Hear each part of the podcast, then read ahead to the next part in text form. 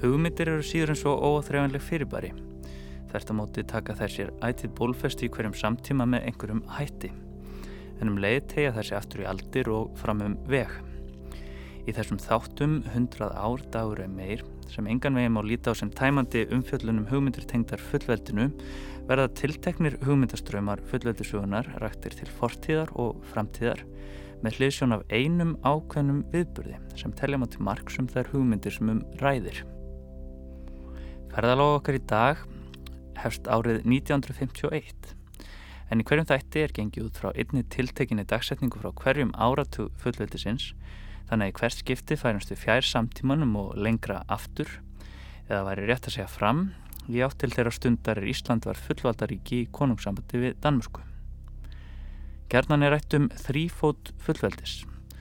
en hugtækið tilgreinir þá þætti sem mynda undirstöðu fullvaldaríkis. Þetta eru varnarlegt fullveldi, efnagslegt fullveldi og menningarlegt fullveldi. Allir þurfa þessi þættir að vera fyrir hendi með einum eða öðrum hætti svo að ríki geti talist fullvalda. Og allir koma þeir við sögu í þeim viðburðum sem gerst er skil í þessum sjönda þætti hugmyndasögu fullveldisins 100 ár dagur er meir. Ferðalokkar hefst sem fyrr segir 1951, þá gerðist þetta. Snemma í morgun lendu 13 flutningavélar bandaríkja hers á keflauguflugvelli með hermenn í samræmi við varnarsamning sem gerður hefur verið millir bandaríkjana og Íslands. Tilkynning ríkistjórnarinnar um þetta og varnarsamningurinn sjálfur voru kynnt í útvarpi í morgun og í auka útgáfum dagbladana sem komu út fyrir hádegi. Varnarsamningurinn eh, er eh, náttúrulega afsprengi þess að eh, í síðari heimstyrjöldinni að þá er gerður uh, herrverndarsamningur mill Íslands og Maldaríkjana árið 1941 sem kom í kjölfarið á uh, breska herrnáminu sem að uh, hófst voru 1940 og stóð til ásins 1942 þegar að uh, bandaríkjumenn voru búin að tóku við vörnum landsins sanga þessum herrverndarsamningi. Friðþór Eital, fyrirvarandi upplýsingafulltrúi varnalysins. Þá voru náttúrulega vísjáverði tímar og, en auðvitað gerðu menn sem grein fyrir því þeir voru úr því, úr því, úr því að, að uh, fór sem fór að þá voru þeir vantanlega betur settir þeim megin við viljununa. Svo verða náttúrulega umskipti uh, með heimstyrjöldinni að bandarækja menn þeir öðlast uh, mikið vægi á alþjóðavettvangi og, og, og fljótlega þá upphefst kaldastriðið svo kallaða milli vestuveldana og eh, Sovjetríkjana sem áður voru jú snýru bökum saman í, í, í styrjöldunni gegn Hitler. Og uh, fljótlega sáum en að uh, þeir myndu þurfa áframa á, á aðstöðu á, á Íslandi að halda. Þeir höfðu jú, höfðu gert hérna uh, mjög mikilvæg og gríðarlega umfánsmikla aðstöðu á Keflavíkuflugvelli, Reykjavíkuflugvell, Flottabækistöði, Kvalfyrði og fleira Bandaríkjumenn sáu fram á það að þeir þyrtu að, að nýta þetta sama,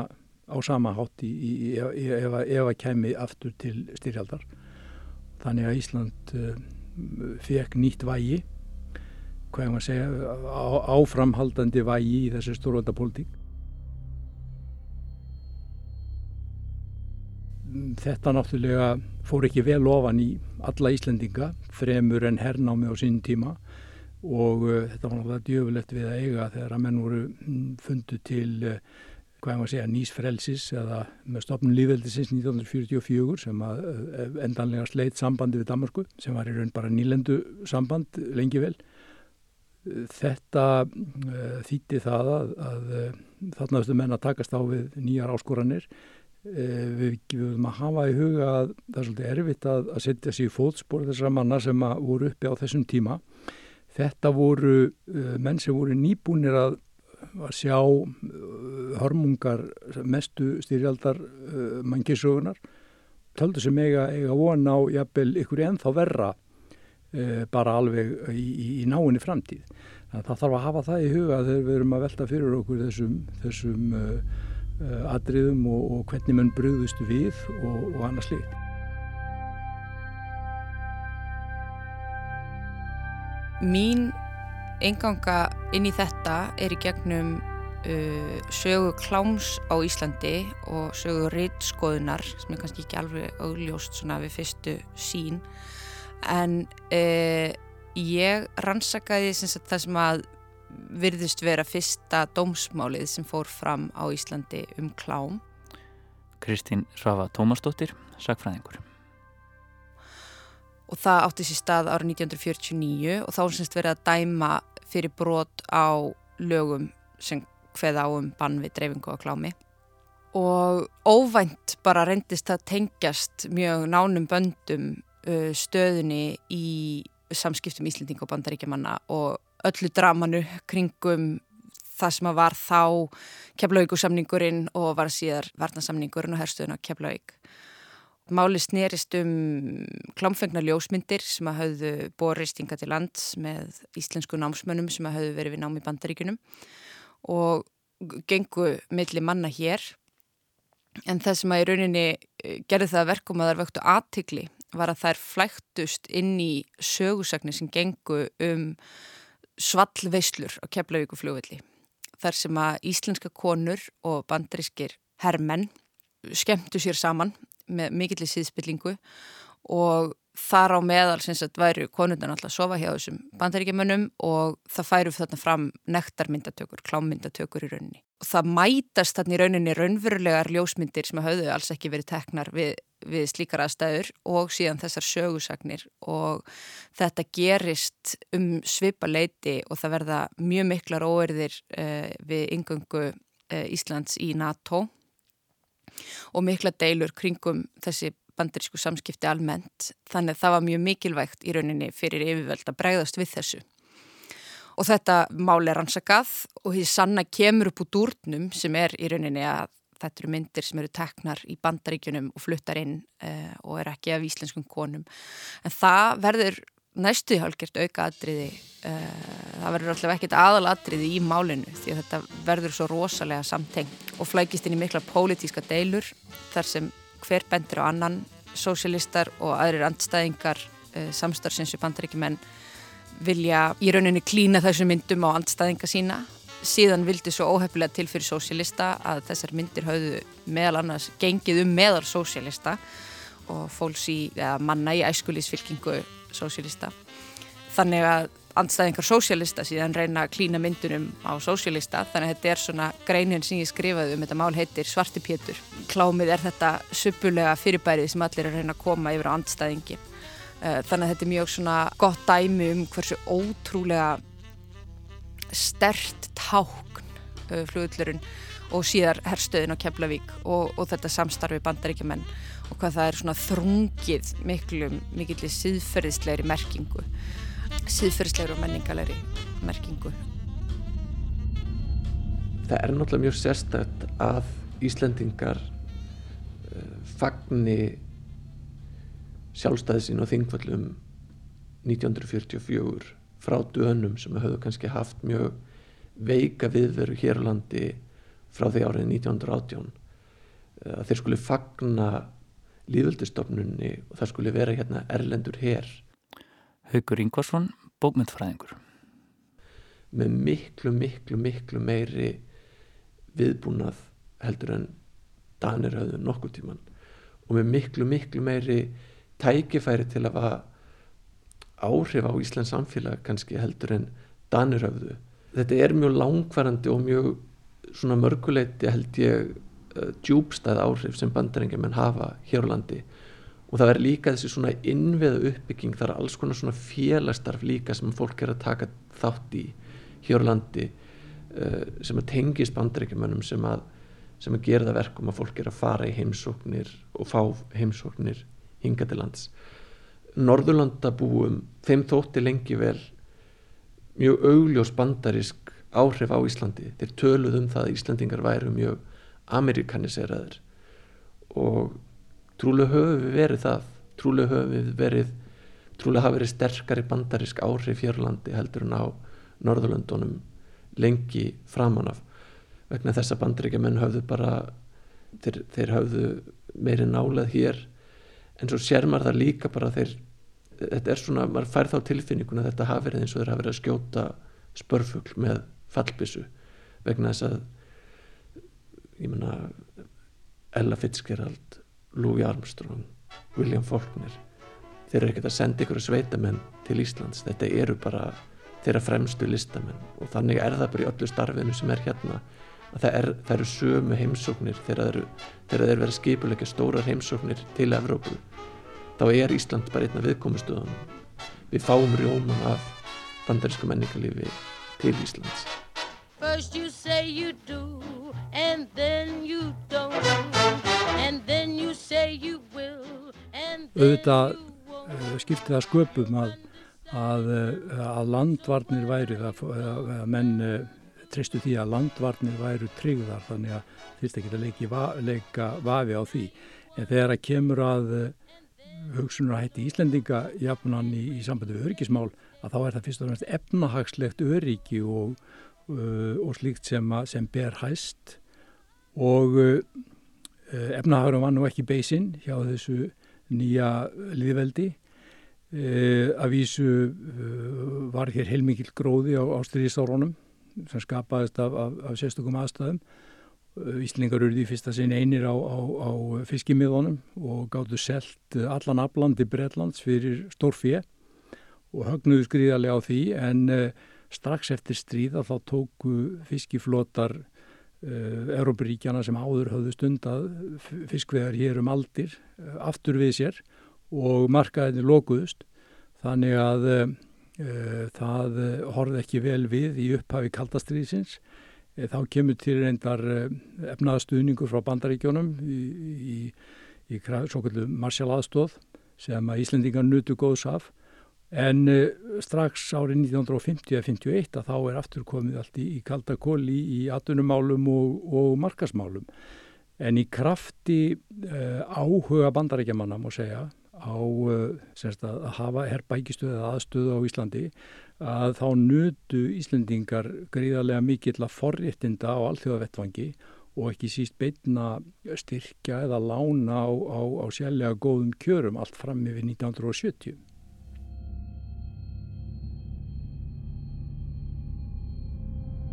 Á síðast árið þá heimsótt ég uh, National Archives í Mariland þar sem að eh, eru meðal annars gögn bandaríska utanríkisáðunetisins og þegar maður byrjar að skoða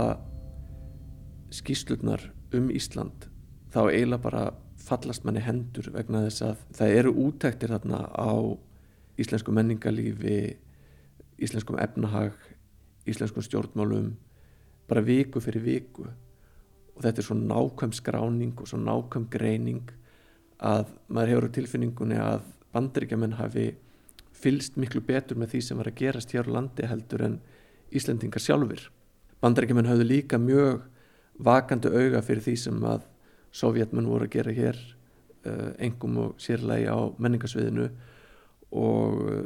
það er til dæmis bara skýslu eftir skýslu eftir skýslu þar sem er, eru bladur og kluppur úr íslenskum blöðum þar sem eru verið að gera grein fyrir því hvaða viðtökur hinn að þessi sovjerski listamöður fjekk og svo þegar að uh, svona þetta kalda menningarstríð hefst fyrir alvöru þá sér maður að bandaríkjaman eru svo reyna toppa sovjetmenna með því að koma með ennþá betri listamenn eða ennþá flottari síningar og þá, þá er það líka þetta sama þá eru þeir að gera grein fyrir því til hvaða hópa þeir náðu hver áhrifin voru hvernig þetta meldist fyrir, hvernig var fjallaðum þetta í dagblöðunum. Bandaríkjumenn þeir eru þarna komni með tæki og reynslu til að greina samfélag held ég mjög nákvæmlega. Og þeir eru líka farnir að þróa með sér aðferðafræði hvernig þeir geti þá mögulega haft áhrif á samfélagin með einhverjum hætti. Og nú það held ég að maður þurfa að orða það mjög varlega en þeir voru að þróa með sér tæki til að ná fram sínum vilja með þá því sem hætti kalla friðsamlegum hætti. Þeir hafa ekki hótunum við menn eða, eða þar fram til göttunum en þeir hafa fjármagn og, og leiðir til að, til að ná fram sínum vilja held ég. Það sem að, það sem að ég gerði eða mitt starf lauta að þarna var uh, að vera upplýsingafulltrúi en uh, okkur var upp og við, við til dæmis gáttum ekki staðininn um áróður í kakkan íslendingum. Okkur var uppálagt uh, sangat lögum í bandaríkjónum að þá, þá var hlutverki það að, að uppfræða, ekki síst bandarinskan almenning um það hvað væri verið að, hvað herin væri að gera, Sest, hvað, hvaða hlutverki varnaliði þjónaði, hvernig það uh, hérna gerði það og til dæmis hvernig það færi með peninga því þetta var bandari skattborgarafið sem að þetta var reki fyrir. Og hafi menn haldið að, að, að það í því fælist ykkur áróður þeim, þeim uppsingu sem við vorum að veita að þá var það miskilningur áróðurinn var nefnilega stundar það er hlutverk sendir á það að, að, sinna áróðuri og hér á Íslandi hátta þannig til að, uh, ráku hér uh, lengi vel, lungu eftir að hættir í mörgum öðrum löndum hér í kringum okkur allavega upplýsingarskrifstofu í sendiráðinu sem þeim hugnaðist að kalla menningarstofnun og Íslandingar og svolítið svona menningar snoppaðir kannski á köplum og uh, það var þar sem að, að bandarísku uh, sendiherranir sumir höfða orði að þar ætu uh, hérna, vinst, þar æti vinstri elítan úr, úr lofanum á þeim eins og eitt, komst á orði. Það verður svona ákveðin vendupunktur ára 1955 sem ásið samtalsveðan aðdraganda en það má segja að með stopnun almennabókafélagsins þá séu bandaríkjaman komnir með uh, svona, ef maður lefur sig að sletta svona go to stað, þeir vita þar er, eru sterkir innviðir eru sterkir einstaklingar það eru talsvöld fjármagn og maður sér það að, að þegar að William Faulkner kemur yngi til lands uh, á haustum 1955 þá er það almenna bókafélagi sem er stopnað formlega 17. júni 1955 sem tekur á mótónum og þessi heimsókn þykir feikila vel hefnuð bandaríkjaman eru ofbúslega ánæður með þessa heimsókn og þetta er svona kannski svona fyrsta heimsóknin sem þeir líta á sem svona algjört suksi af sinni hálfu og, og, og það sem þeir ná þarna er það að þarna fara líka að koma íslenski mentamenn þvert á alla flokka þeir koma og þeir, þeir sapnast að þessum mikla bandarska rítuöndis með fengið Nobel-sölunni bókmyndum árið 1950. Eh, skömmu eftir að almenna bókafélagið er stopnað 17. Eh, júni og þar fær maður mjög skýrt svona þennan þjóðverðneslega undirtón sem er í menningarstarfi á Íslandi alveg saman hvort það var á hægri eða vinstirvægnum. Skömmu eftir að það er stopnað þá kemur hér erindreki samtaka, alþjóðleira menningarsamtaka sem héttu Congress for Cultural Freedom. Þessi samtök voru með höfustöðvar í París og þeirra helsta markmið var að ná til mentamanna og þau jafnvel mentamanna sem að voru vinstri sinnaðir en voru ekki hallir undir Sovjetríkin. Það var svona helsti markaböður þeirra en uh, samtökunum var yfirleitt stjórnað af í hverju landi af þá mentamönnum sem hann neyðust á til hægri. Uh, þessi erendriki sem kemur hinga 1956 hann átta sig mjög fljótt af því að almenna bókafélagið var mjög hendugur samstagsæli fyrir þessi samtök vegna þess að þau höfðu fjármagn mjög upplugt innra starf og svo voru líka bara mjög sterkir einstaklingar sem að stjórnuðu almenna bókafélaginu og þar má nefna Ejólf Konrad Jónsson, Gunnar Gunnarsson, Tómas Guðmundsson og fleiri. Uh, þessi samtöks, eða þessi einstaklingar, þessi Íslandingar, þeir stopna svo undir félag Congress for Cultural Freedom sem heita frjálsmenning árið 1957 og þá fara að koma hingað erlendi gestir uh, og eru þá að uh, í raunin að tala gegn Sovjetríkjónum það er líka fleira sem gerist þeir eru að senda hinga tímaritt og það má í rauninni segja það að félagsbref almenna bókafélagsins það sé í rauninni bara eitt af tímarittum sem að Cultural Freedom gáfi út viðsvegar um heim. Þetta er rauninni bara mjög mikið þýtt efni þaðan en, en, en svo líka bara má segja að reyðstjórnastefnan sé mjög keimlík því sem þar gerðist.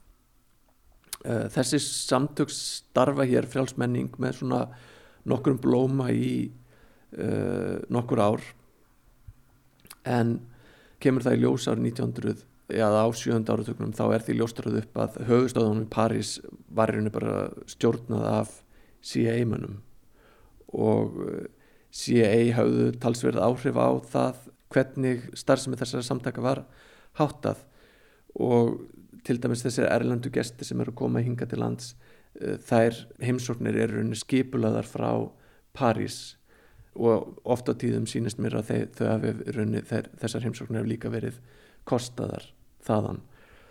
Þannig að hérna eru íslenskir hægrimenn eru líka hluti af alþjóðlugu neti og eru líka í rauninni um, þá involveraður inn í þetta menningarstarf bandaríkjamanna. Það er kannski óþarf að vera að fara í þennan samanburð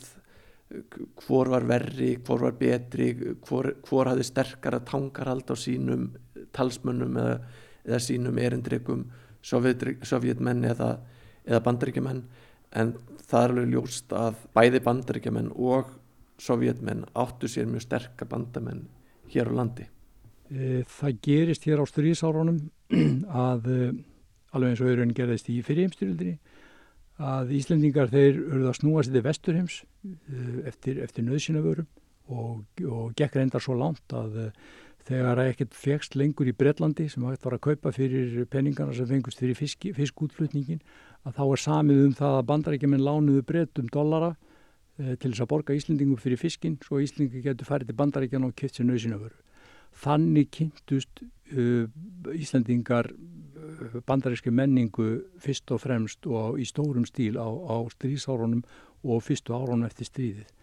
E, síðan held ég að bandarískar kvikmyndir sem að tóku við í styrjöldinni e, og urðu strax svo vinsalar. Ég held að evróskar kvikmyndir hef aldrei borðið sitt bara hér á landi eftir það að e, þær e, smituðu náttúrulega út, fyrir, út frá sér og, og þar sá fólk það nýjasta sem kannski var að gerast í tísku og öru slíku í bandaríkjónum. Championship basketball, the Syracuse Nationals versus the Fort Wayne Pistons in the NBA's final playoff at Syracuse. Bandaríkjumenn voru ekki bara í hámenningu, þeir voru ekki bara að flytja hingað inn reytöfunda og, og hljómsveitir og tónlistamenn. Eh, þeir voru líka til þess að beita sér fyrir eh, því að, eh, að, að kenna hér Íslandingum íþróttir. Og það kom ofta frumkvæði ISI ISI var mjög ofta að byðla til bandaríkjamanna að senda enga þjálfara. Þannig að það komi til dæmis sundþjálfarar enga til lands. Það komi líka körfubóltaþjálfarar alveg mjög góður körfubóltaþjálfarar en kannski svo heimsók sem að mér þykir kannski merkilegust er heimsók sem er hérna 1956 þegar Syracuse Nationals sem voru þáverandi NBA mestrar kominga með bara allt korfbóltaliðið sitt.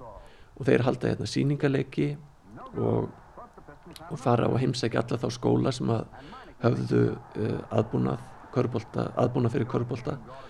og svo fóruð líka á lögavatn og kendu þeim sem að voru, uh, voru, voru þá læra að verða íþróttakennarar, kendu þeim líka undir, undirstöðu aðdreiði leiksins. Og ég hef heyrt frá mönnum sem að uh, spiluðu til dæmis æfingarleiki við þessa bandarísku körpoltamenn að, að þeir uh, gáfuðum búnað, gáfuð bolta en þeir gáfu líka þeim sem þeim þóttu skara fram úr gáfuðum þeim íþróttaskó og árutuðu þá. Þannig að þú getur ímyndaðir eða eftir árutaða körpoltaskó frá núverenda NBA-mesturum ég menna það þetta er nú ekkit smá merkilegt. En það var það mikil skortur að sér á á bara góðum búnaði. Að ég veit að sumir þessara manna þeir spiluði í skonnum sem voru áriðtaðir þangað til þeir bara bara hristust í sundur. Þeir, þeir bara urðu bara nánast ekki að neinu þeirra upp á staði en þetta er náttúrulega líka menningarsamskipti. Þetta er líka það að, að körfuböltalið komi hingað og, og, og, og síni og haldi síningarleiki það því það náttúrulega líka að menn fóru að fylgjast með NBA körfuböltanum þeir fóru að áttu sín lið og hérna eru að horfa til þess hvernig að spila þar And George is a man who can really carry the mail Roche's one-handed punches it. That's the story of basketball's World Series. Syracuse proves unbeatable for Fort Wayne on its home court. The Nats nip the Pistons in this game, 87 to 84, and they go on from here to win the 1955 Pro Championship.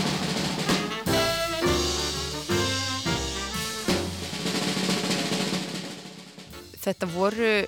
ljósmyndir, ljósmyndaserja sem að hafi verið tekin í bandaríkunum þá virðist fyrirkomulagið hafi verið þannig að það var einhver maður í þessari tilteknu amerísku borg sem að var með ljósmyndastofu framkvöllunar þjónustu. Og svo var hann með eitthvað bakherbergi og eftir raunverulega opnunatíma verslunarinnar þá voru teknar klamfengna ljósmyndir í þessu bakherbergi og þá var hann með eitthvað fólk á sínum vegum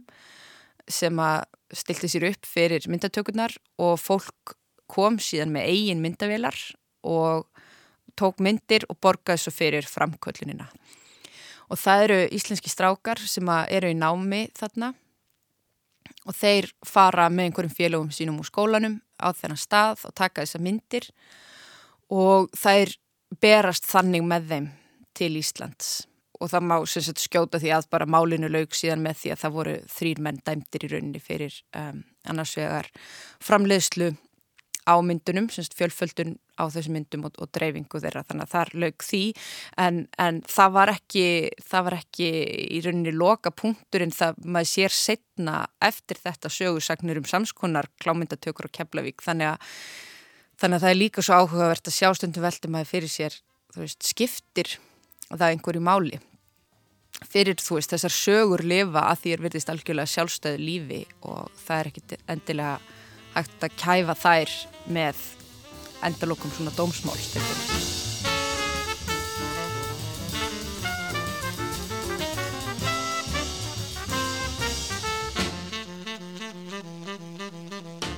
Í þessari rannsók þá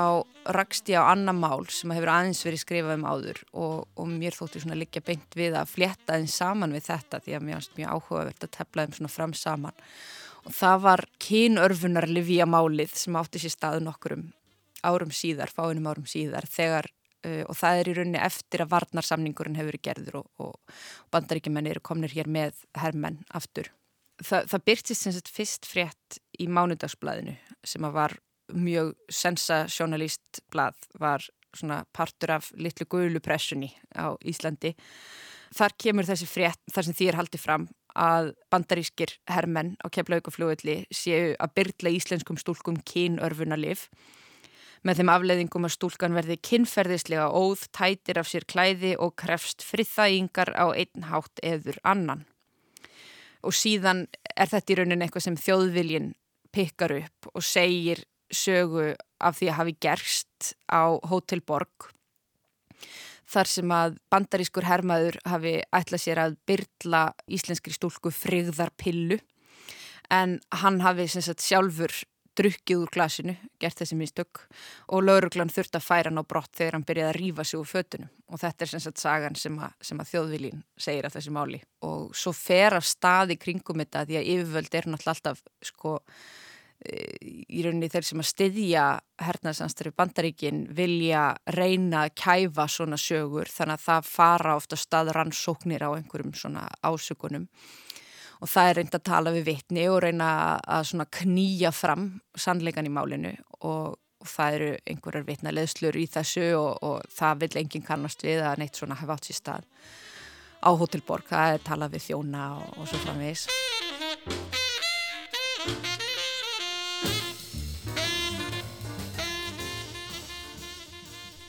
það skapast þarna uh, eh, daldi sérstatt ástand á keflaugulugulli á áránum 1947 til uh, 51 þar að segja frá þeim tíma sem að bandarækja hér sem að uh, sá um hersetuna hérna í stríðinu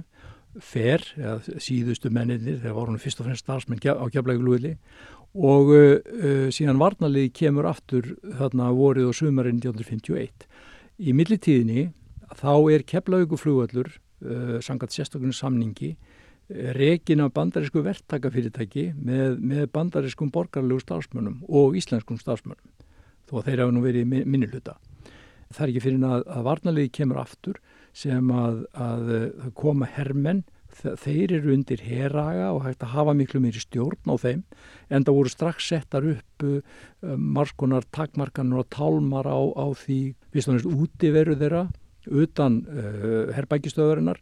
til þess að, að minka uh, slæmu áhrifin að veru hersins eins og kostur var.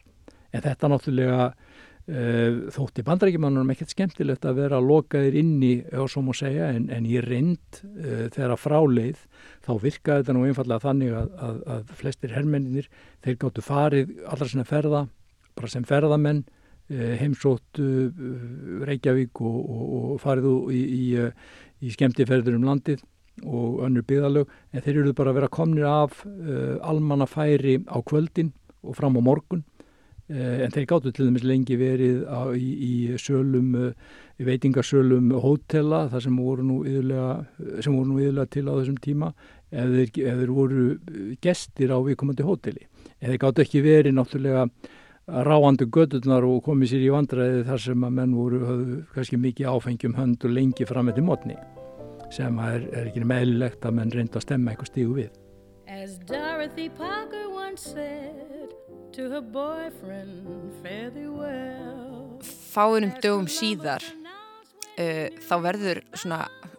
í rauninni frekka hverstagslegur atbyrður í vestmanni þar eru uh, sagt, þar eru hópur bandaríkjamanna af keflavíkuflugvelli í bara skemmtiferð og uh, koma þanga og gista og svo einn daginn, annan daginn þá fara sem sagt karl og kona úr hópnum í göngutúr í eigum og ganga upp á einhver svona háa hæð þannig að rétt við íþróttavöllin og þau eru eitthvað segja sjónarvottar að kissast og láta vel að hvort öðru og það var fókbóltaleikur í gangi á vellinum og það var mjög greinlegt að þeir áhörundunir á fókbóltavellinum voru ekki síður áhuga samir um þetta fólk sem var þarna að spá sér á kissast og þau ganga þarna upp á þessa háu hæð og þar verður konan skindilega lofttrætt, fyllist mikill í lofttræðslu og maðurinn verður semst að hjálpa henni niður. It was just one Svona í grunninn kannski ekki mjög dramatískir atbyrðir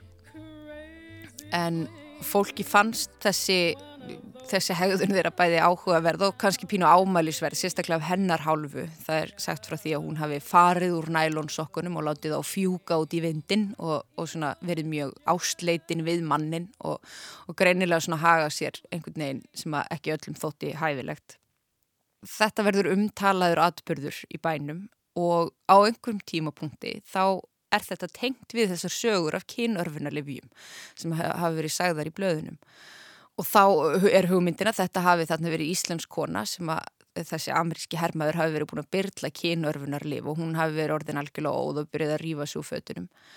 Og þannig fer í rauninni aftur af stað rannsókn í þessu máli. Og það er verið að yfirhera fólki í vestmannegjum og keflavíkuflúvelli og þetta er í rauninni, já, þetta fer fram á ymsum stöðum og svo kemur nú í ljós þegar það er farið að grænslast fyrir um þetta hjá fólkinu sjálfu sem er komið aftur til Keflavíkur þá var þetta, voruð allt kannar bara af vellinum og þetta par var svo sem bara, já, eitthvað, einhver hermaður og einhver kona sem að vanna á, á Keflavíkflugvilli það var eitthvað tengt hernum og þau voru nú ekki gift en, en voru greinilega eitthvað að slá sér upp og það er frekar ljósta þau sem vitnaleðslum að þeim hefur þótt þetta frekar óþægilegt að vera kvöldu þannig yfir herslu vegna þessa göngutúrs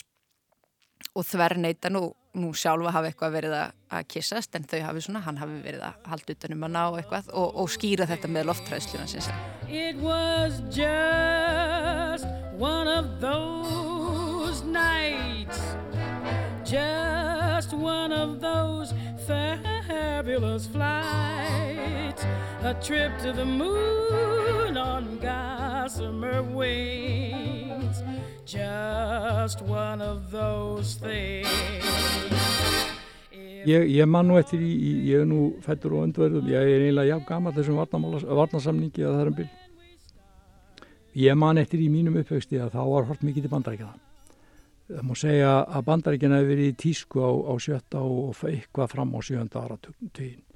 svo kemur bílabildingin og, og, og breskabildingin og það og þá urðu amerikanandi bara mjög fljótlega bara hálf púkó. Það verður bara að segja þess að svo er. Þannig að e,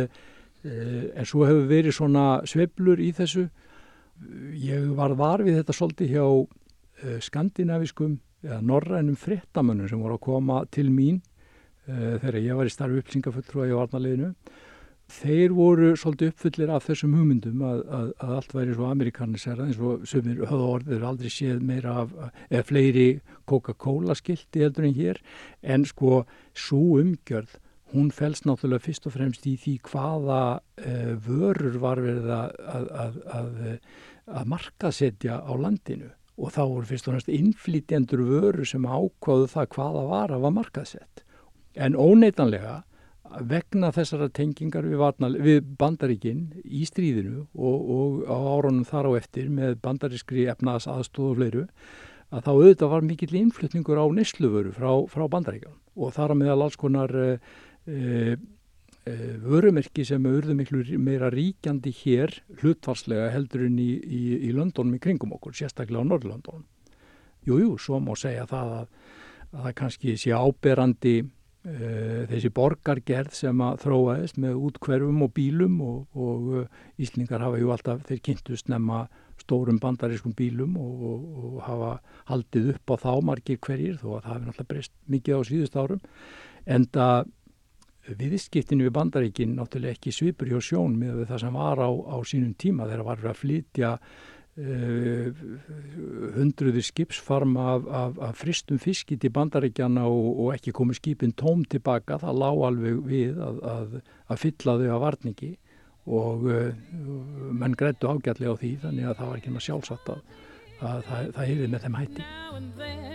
It was great fun but it was just one of those things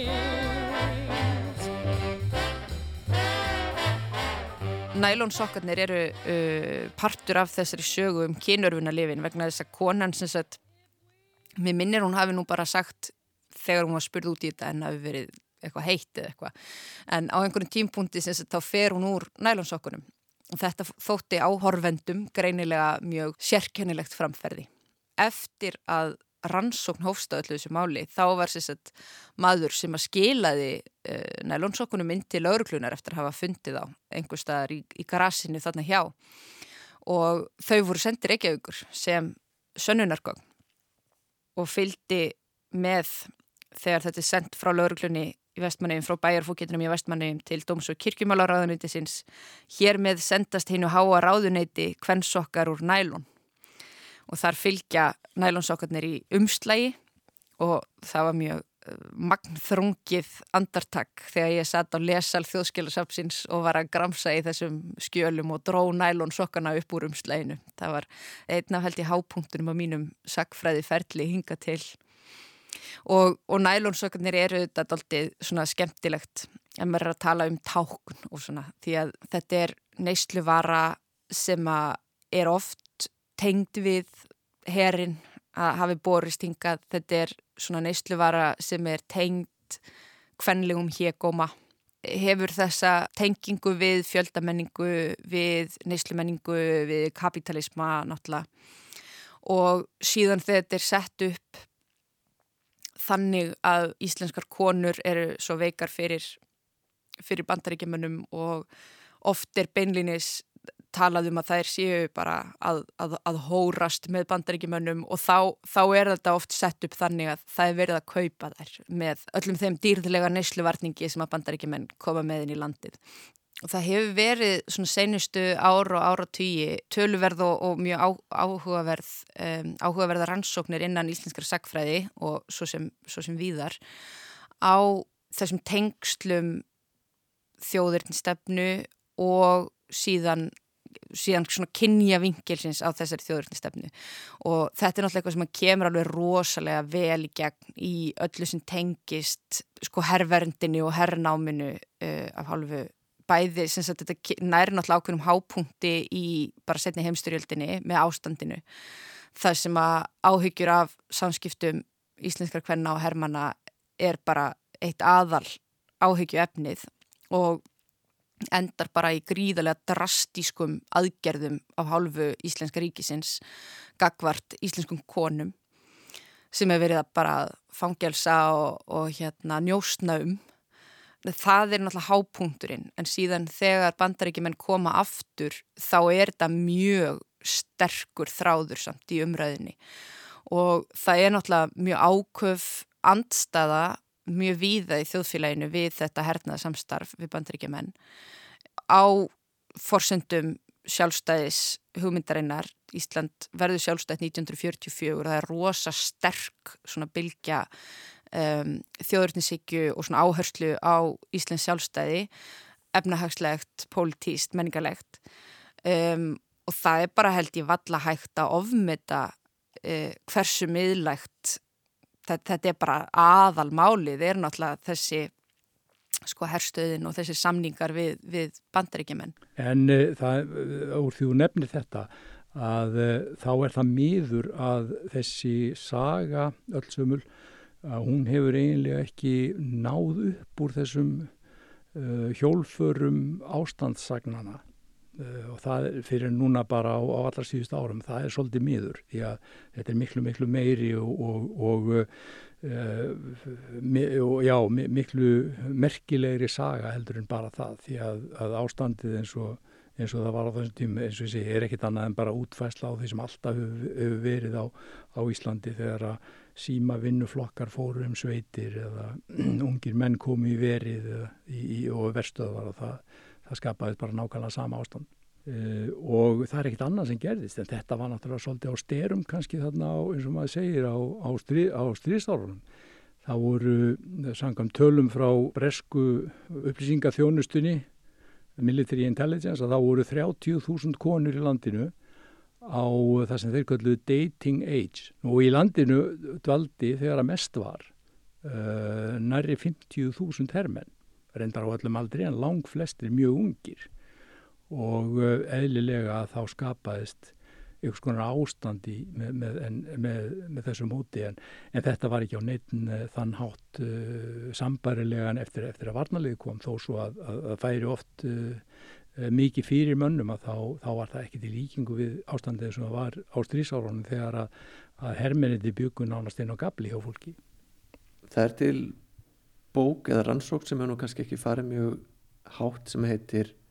Herstuðun félagslegt umhverju og Íslands þjóðulíf eftir Fridrik Haug Hallsson sem er uh, svona félagsfræðileg úttækt á herstuðun á minniseiði byggir mjög mikið á viðtölum við fólk sem að starfaði á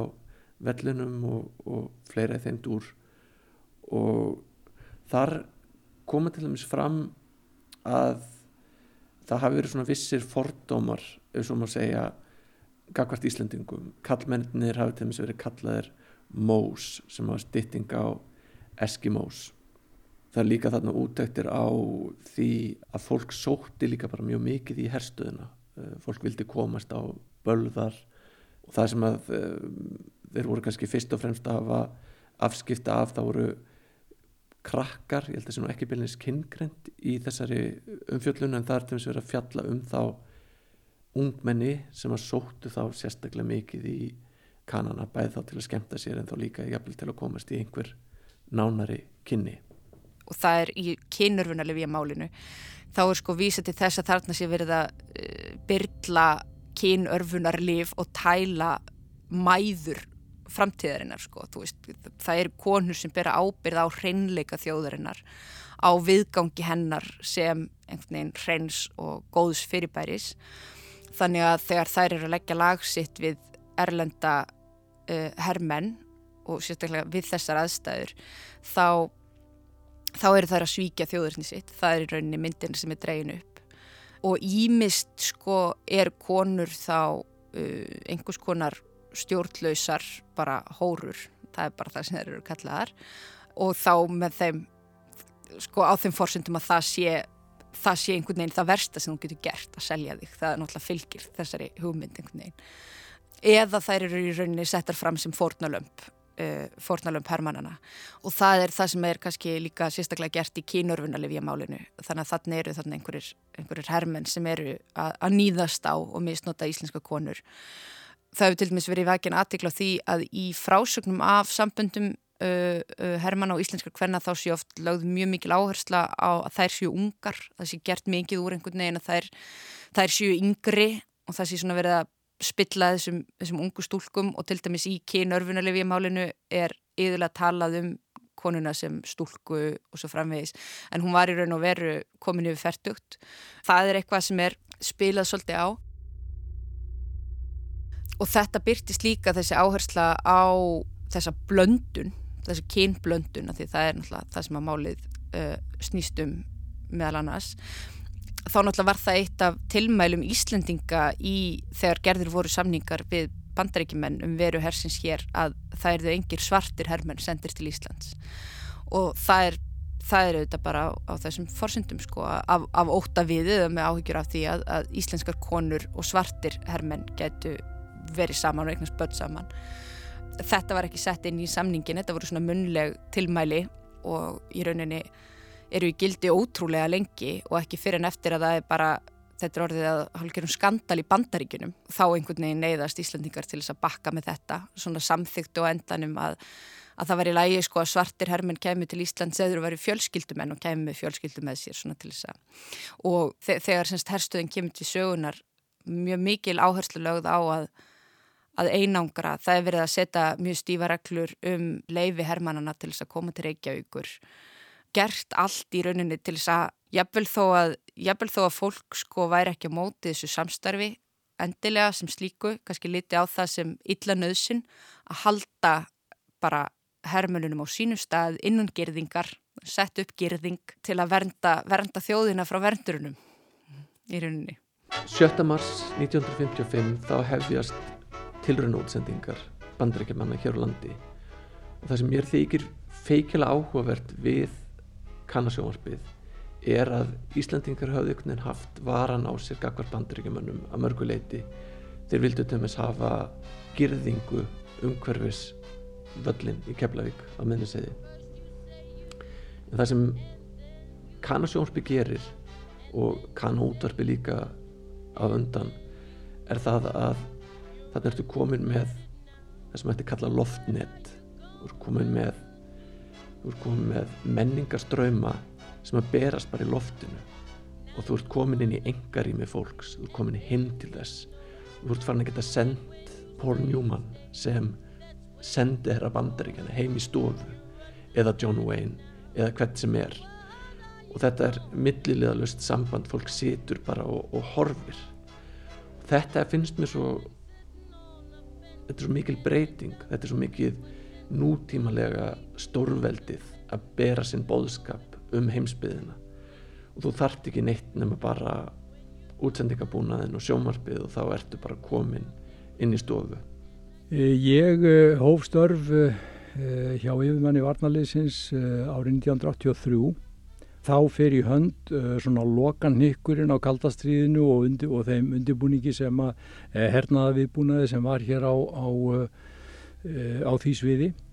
og sem stóð uh, framundur loka áratugarins uh, þegar að skindilega þá, þá fjarað undan sem betur fer öllum þessum viðbúnaði eða, eða þessum þætti og, og kaldarstíðinu laug. Ég held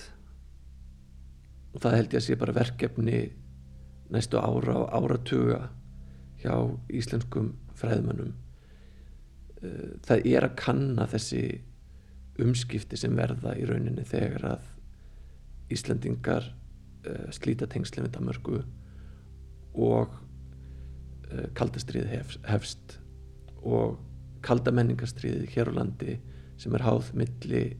sovjetmanna og bandaríkjamanna er mjög merkilegt vegna þess að báðar þjóðir eru að reyna að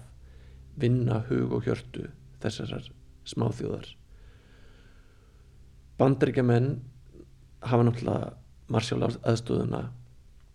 og þeir flytja náttúrulega inn hérna mikinn fjölda af listamönnum íþróttamönnum íþróttathjálfurum hér er allskynns félagsstarf sem að tengis bandaríkjónum sem að gera það verkum að bæður Íslandingar að fara til bandaríkjana og bandaríkjana koma til Íslands. Eðli þessara samskipta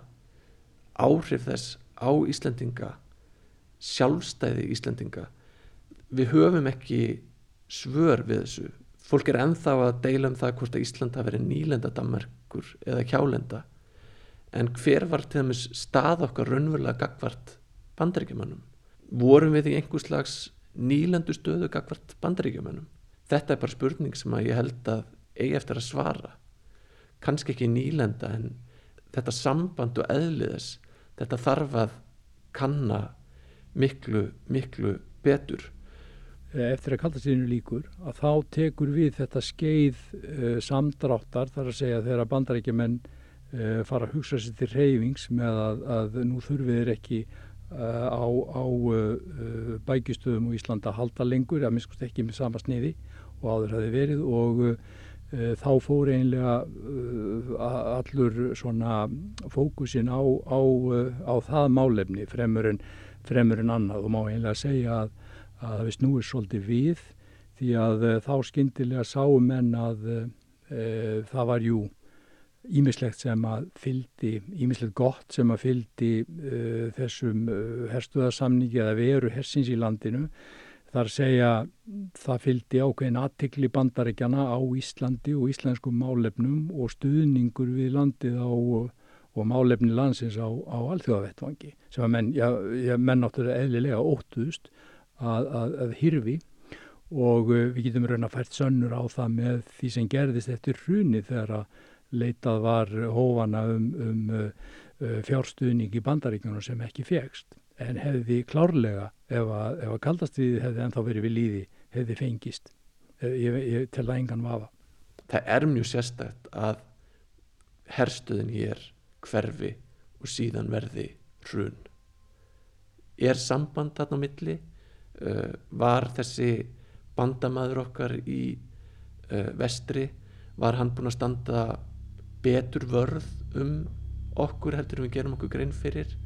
Höfðu við tryggar og öryggisnett meðan að bandrækjumenn voru hérna heldur við aftum um okkur á til dæmis í efnarslegu tilliti. Það eru mjög stóra spurningar og kannski er erfitt einhvern veginn að fara að fást við þær án mikill að rannsókna án þess að fari bara hljóma eins og einhvers slags samsæðiskenningar eða einhvers slags svona uh, svartaköldsraus eða, eða einhvers slags rugglbeinlinis en þetta þarf að rannsaka held ég mjög nákvæmlega. Bæði samband Íslandinga við bandaríkin í kjölfar uh, líðaldstofnunarinnar en svo líka það sem gerist eftir að bandaríkjumenn hverfa hérðan með til það með sinna herstuð þegar henn er lokað og bandaríkjumenn hafa ekki svona þessa nánu viðveru eða förstu viðveru hér á Íslandi